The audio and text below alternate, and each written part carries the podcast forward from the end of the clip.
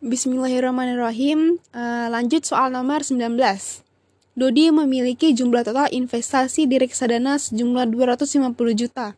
Bagaimana perhitungan zakat investasi tersebut? Karena adanya kemiripan yang berlaku antara hasil tani dengan investasi, perhitungan zakat investasi dilakukan dengan cara menganalogikan dengan zakat hasil tani. Dengan nisabnya 5 sak sebanyak 653 kg beras, lalu kadar zakatnya sebanyak 5% dari penghasilan bruto atau 10% dari penghasilan neto. Waktu mengeluarkannya eh, setiap kali panen atau menghasilkan.